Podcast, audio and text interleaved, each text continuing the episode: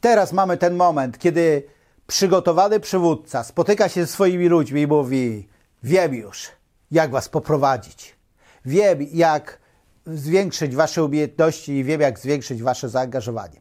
Oczywiście jest ten moment, kiedy pracownik może powiedzieć nie i nie będzie chciał się rozwijać. I mimo tego wszystkiego, co ty zrobisz, trzeba będzie go zwolnić.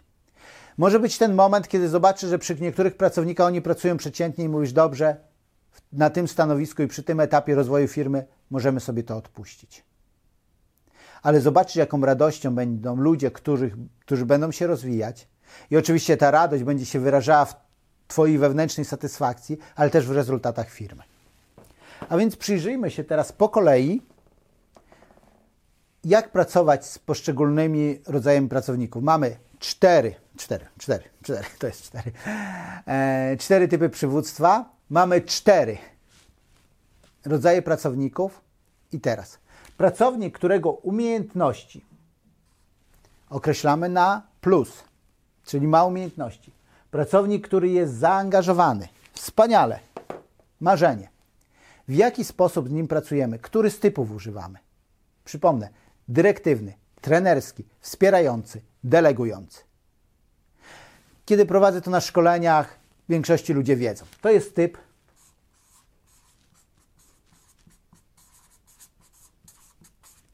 Używamy tu typu delegującego, tak?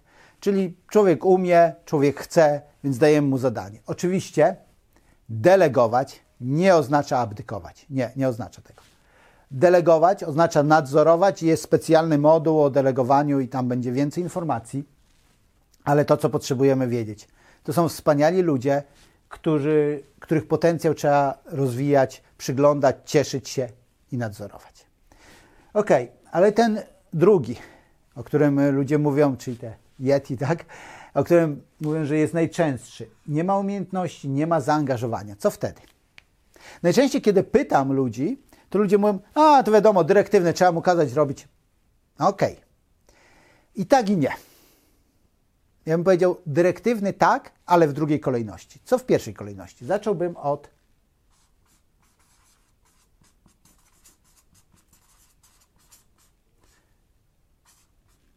trenerski. Dlaczego trenerski? Sama nazwa, tak? Trener, czyli ktoś, kto ćwiczy. Zobacz, wyobraź sobie szkółkę piłkarską i przychodzących takich adeptów, nie wiem, kilkulatków, którzy przychodzą i na początku każdy jest do niczego. Ja wiem, jedni mogą mieć troszkę większy, mniejszy talent, ale mówimy naprawdę o maluchach. Oni grają tak, że kopniesz piłkę i gdzie piłka, tam wszyscy.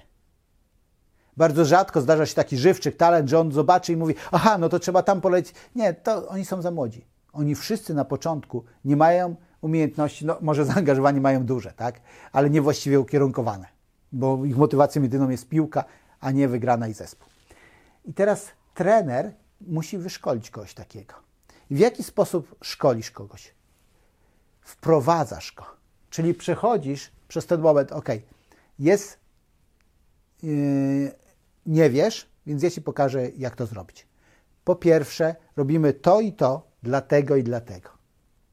Czy rozumiesz, dlaczego to robimy? Rozmawiamy o tym. Czy masz jakieś pytania? On mówi. Dobrze, teraz rób, ja będę nadzorował. W ten sposób angażujesz go coraz bardziej. Angażujesz go intelektualnie, bo on musi myśleć, kiedy ty mówisz, bo wie, że będzie o to pytany, czy zrozumiał, musi wytłumaczyć. Angażujesz go emocjonalnie, ponieważ wie, że będzie musiał się zaangażować, za chwilę to zrobi i będzie z tego oceniany. Więc to jest trenerski. I oczywiście w praktyce, dlatego powiedziałem, że dyrektywny też, okazuje się, że ludzie, którzy nie chcą, to czasami trzeba im powiedzieć to, to, to i zrobić i na tych najmniejszych stanowiskach, e, najmniejszych, mam na myśli wymagających najmniej umiejętności jakichkolwiek, po prostu dajesz polecenia i nadzorujesz, to jest trudne, ale czasami jest taka rzeczywistość. Natomiast tutaj już mamy stylu trenerskiego. A co w momencie, kiedy ktoś nie ma umiejętności, ale jest bardzo zaangażowany? Wtedy używamy stylu, czyli mówimy mu, ponieważ jego nie musimy angażować. On jest zaangażowany, jemu tylko musimy, zrób to, zrób to, zrób to. On zaczyna to robić. Ja wiem, czasami ludzie mówią, a dlaczego tutaj nie trenerski, dlaczego mu nie tłumaczyć? widzisz, jeżeli on jest zaangażowany, to on sam zapyta. My potrzebujemy go nauczyć tylko umiejętności. Do tego jest styl dyrektywny. I w momencie, kiedy są umiejętności, a nie ma zaangażowania, czyli coś, o czym mówi większość przedsiębiorców, mówi, Andrzej, to jest ten moment. To jest najwięcej naszych pracowników. Tutaj potrzebny jest styl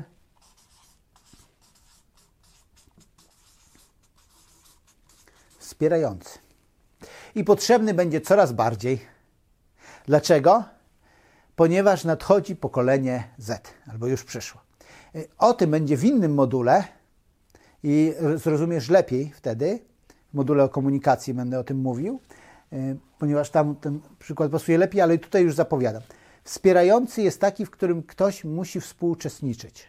Czyli musisz mu pokazać, co jest do zrobienia, zapytać go o zdanie, jego opinię, wspólnie zdecydować, z nim opracować plan działania. Ponieważ kiedy taki człowiek się zaangażuje, czyli powie, yy, określi sobie cele, powie, jak z tych celów rozliczać, yy, jakie konsekwencje niewykonania. To jest tak jak z dziećmi. Im dzieci bardziej dorastają, rozmawia z nimi. Dobrze, takie i takie są Twoje obowiązki. Co będzie, jak ich nie wykonasz? I bardzo łatwo zobaczysz. Podobnie jest z dziećmi, przynajmniej na początku, kiedy ktoś je tak traktuje, zarówno dzieci, jak i pracowników, to okazuje się, że konsekwencje, które oni wymyślają, kiedy tego nie zrobią, co wtedy, są o wiele bardziej surowe niż ty byś wymyślił. Zobacz, to jest prosty model, a teraz pokażę kilka przykładów, jak ten model stosować, ale zapamiętaj to. Jeżeli będziesz to robił w ten sposób, wyniki muszą być, chyba że zobaczysz, że ewidentnie ktoś nie chce się rozwijać, no to albo powiesz, dobrze, niech już tak będzie i może tak zostać, albo niech tak będzie i szukam kogoś na jego miejsce, albo mówisz, ok, to w takim razie zwalniam.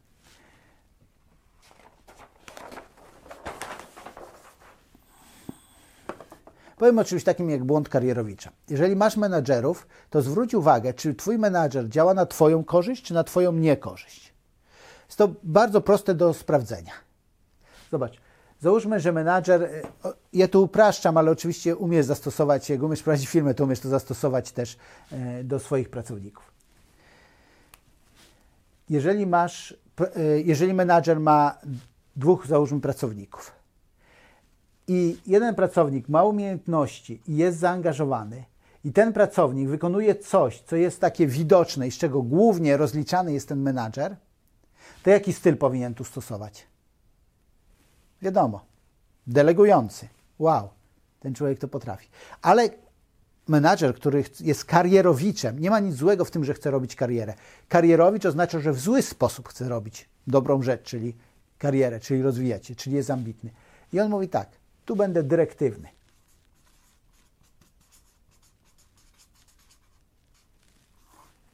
Wow, dlaczego? Ponieważ jak najbardziej chcę nadzorować tego pracownika, żeby nie stał się zagrożeniem.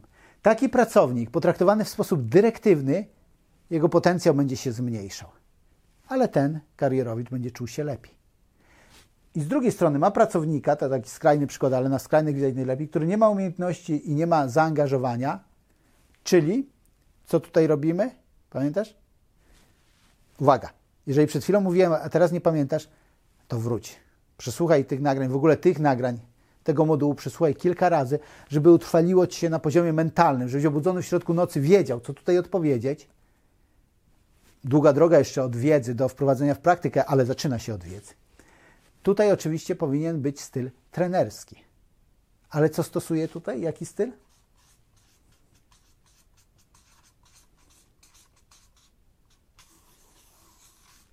styl delegujący. Dlaczego? Ponieważ mówi wszystko jedno, z tych rzeczy akurat one nie są widoczne, nie jestem rozliczany, niech sobie robi co chce, to nie ma dla mnie znaczenia. I wiesz, przez jakiś czas taki człowiek może wyglądać dobrze, ale po jakimś czasie zaczyna być jakieś takie niesnaski wokół niego, ludzie przestają go lubić, a i rezultaty są coraz mniejsze. I oczywiście karierowicz będzie mówił, że to kwestia ludzi. A jak inaczej mógłby postąpić taki człowiek? I uwaga, uwaga, to co pokażę teraz, pamiętasz, wszystko rozwija się i kończy w zależności od przywództwa. To, co chcę pokazać teraz, to chcę pokazać, że to, czy ten człowiek jest karierowiczem, czy robi karierę, która jest korzyścią dla niego i dla firmy, zależy od tego, jak ty mu przewodzisz. Tak, Od ciebie zależy, jak menadżer się zachowuje. Nie chcę mówić, że cała wina jest po twojej stronie, ale chcę pokazać, że duża część odpowiedzialności jest po twojej stronie. I oczywiście, jeżeli postępujesz właściwie, a menadżer niewłaściwie, no to czeka was rozmowa i konsekwencje tej rozmowy, ale być może jest tak, że ty nie pokazałeś mu ścieżki kariery, albo nie wytłumaczyłeś mu, albo on nie czuje się bezpiecznie, jakkolwiek. Więc jeszcze raz ten sam przykład. Pracownik, który ma umiejętności, jest zaangażowany. Dlaczego miałby delegować go?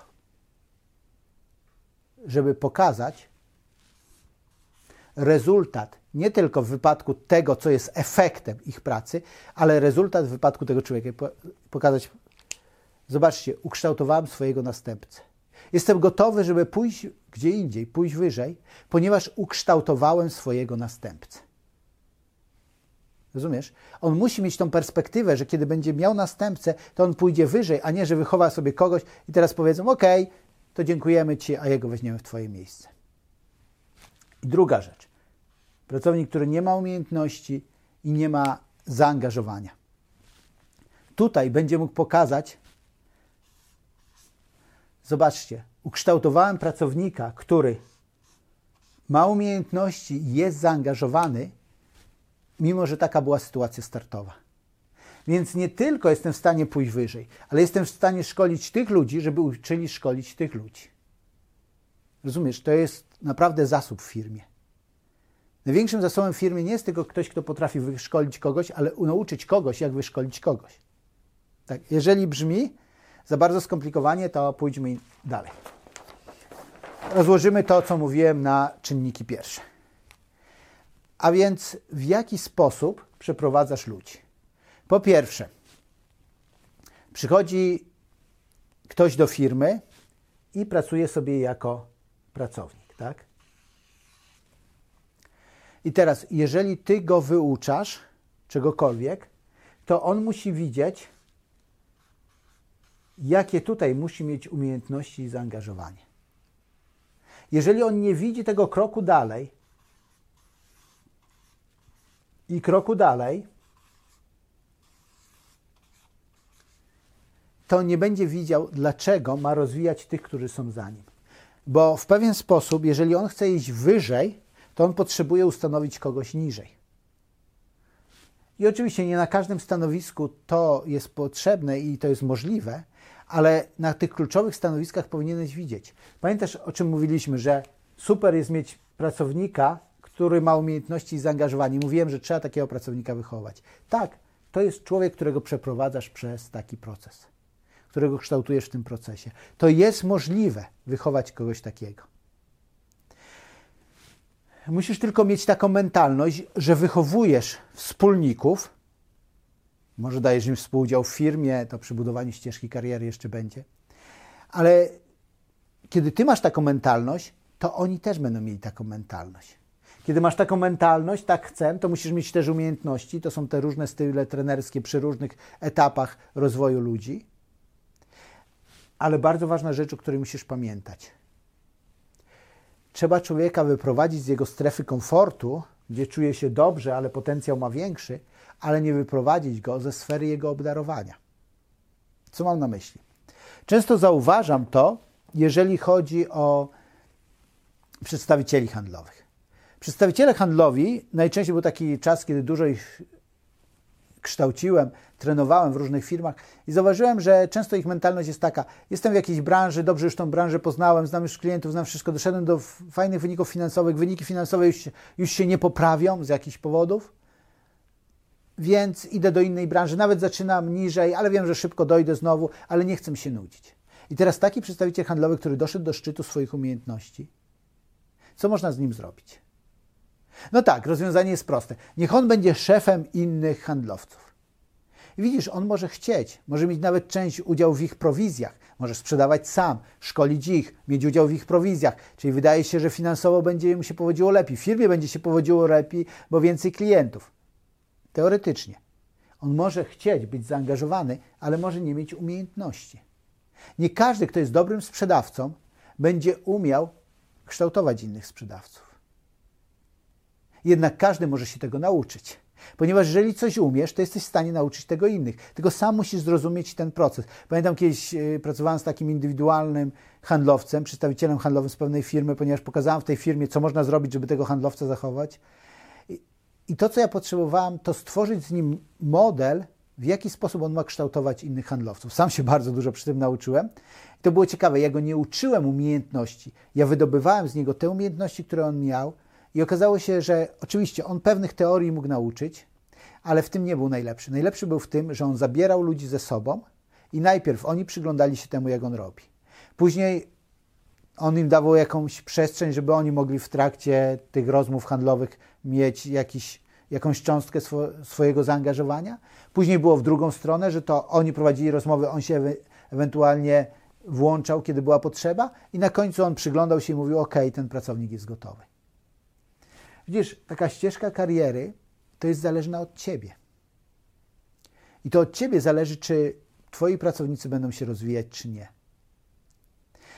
Przede wszystkim zależy od twojej umiejętności pracy z nimi. Tak? Na szczęście możesz się tego wyuczyć.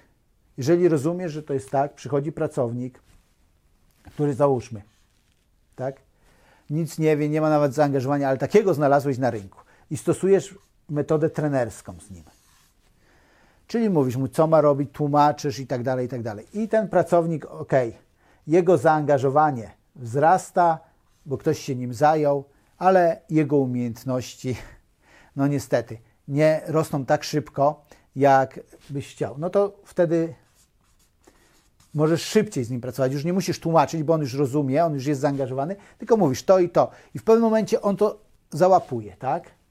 Czyli jest pracownikiem, który ma umiejętności, jednak przez to, że był traktowany tak przedmiotowo, zmalało jego zaangażowanie. Więc okej, okay, wspierasz go. Czyli już nad umiejętnościami nie musicie pracować. Musicie popracować trochę nad tym, w jaki sposób on ma się bardziej zaangażować. I dochodzi do momentu, kiedy masz takiego pracownika. A następnie pokazujesz temu pracownikowi, że on ma przed sobą pewną ścieżkę kariery, że teraz proces, przez który ty go przeprowadziłeś, przeprowadzasz innych. I co do kluczowych pracowników, warto jest to, warto, żeby oni o tym wiedzieli, warto, żeby rozumieli proces, przez który ich prowadzisz i zobaczysz, jak będziesz kolejnym ludziom poświęcał czas, jak wielką da Ci to satysfakcję i rezultaty w firmie. I ostatnie cztery rzeczy.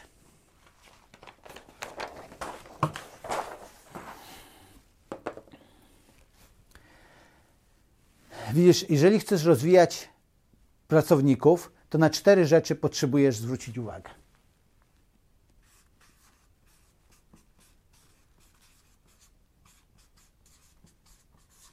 Po pierwsze, rekrutacja. Czy jest prowadzona prawidłowo?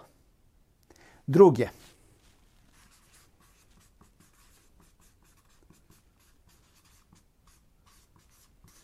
Weryfikacja stanowisk pracy. Czyli to pracownik, jakie ma umiejętności, jakie ma zaangażowanie Nieraz jak robię weryfikację stanowisk pracy, robimy test, potem rozmawiamy o tym teście z pracownikami, to pracownicy przerażeni o co chodzi, jeżeli tego nie było w kulturze firmy wcześniej. Mówi, czy coś ze mną jest nie tak? Ja mówię wręcz przeciwnie. Twój pracodawca chce, chce w ciebie zainwestować i dlatego jest, wykupił ten test i tę konsultację, żebyś lepiej zrozumiał siebie, swoje silne, słabe strony i żebyś mógł się rozwijać. Pracuję z tym człowiekiem, uświadamiam mu pewne rzeczy, pokazuję, gdzie jest jego potencjał, potem rozmawiam o tym z pracodawcą i pokazuję jemu. I on weryfikuje w ten sposób, tak? Zakres obowiązków i to, jak człowiek jest w to zaangażowany. Kolejna rzecz to jest rozwój, czyli ścieżka kariery. Jak pokazać człowiekowi jego potencjał w tej firmie, do czego może dojść.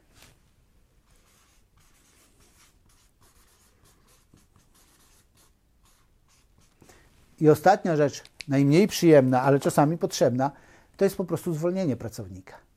Czasami możesz użyć zewnętrznej firmy, zewnętrznej osoby, żeby zwolniła.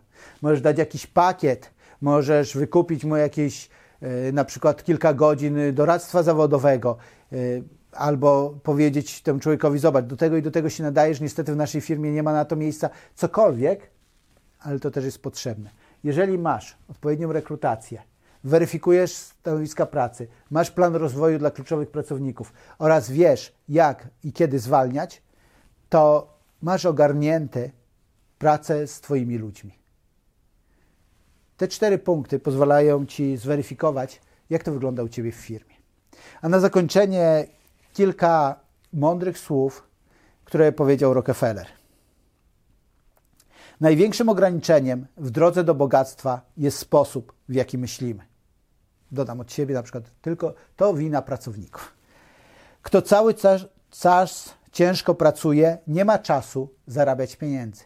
Jeżeli jesteś zaangażowany w firmę, a nie pracujesz nad firmą, czyli nad tym, co mówimy teraz. Umiejętność postępowania z ludźmi jest takim samym towarem handlowym jak cukier czy kawa. I zapłacę za tę umiejętność więcej niż za jakąkolwiek inną pod słońcem. Umiejętność przekonywania ludzi stała się w dzisiejszym świecie towarem, za który jestem gotowy zapłacić więcej niż za jakikolwiek inny. To jest to, co nieraz, kiedy rozmawiam z jakimiś właścicielami firm i mówię, jakie są moje stawki, oni mówią tyle za godzinę, ja nie płacę tyle pracownikom. Ja mówię, okej, rozumiem, ale wierzę, że to jest tyle warte, więc przyjdę do Twojej firmy i na przykład stworzę Ci dział HR-u. Więc jednorazowo zainwestujesz, ale później na lata masz z czego korzystać. Kto jest najbiedniejszy na ziemi? Ten, który nie ma nic prócz pieniędzy. Prowadzenie udanej działalności charytatywnej ma wiele wspólnego z zarządzaniem biznesem. Wymaga przywództwa, przywództwa, wytrwałości i kreatywności. Ci, którzy jako pierwsi dostrzegą nowe trendy, zaryzykują wejście w nieznane, lecz obiecujące pola aktywności, często zostają miliarderami. Prawda 100 lat temu, prawda dzisiaj. Sukces w biznesie wymaga treningu, dyscypliny i ciężkiej pracy, ale jeśli cię to nie przeraża, to okazje, które masz dzisiaj, są równie atrakcyjne jak kiedykolwiek. To jest ciężka praca, ale rezultaty są rewelacyjne. Jeśli Twoim jedynym celem jest stanie się bogatym, nigdy go nie osiągniesz. Jeżeli przy okazji chcesz rozwinąć innych, osiągniesz to szybciej. Znalezienie i zatrzymanie najlepszych pracowników jest najbardziej wartościową zdolnością. Dałbym wszystko, co mam, wszystkie moje pieniądze, żeby mieć tę umiejętność. I to jest ta umiejętność. Nie obawiaj się porzucić czegoś dobrego dla czegoś wspanialszego. Powodzenia.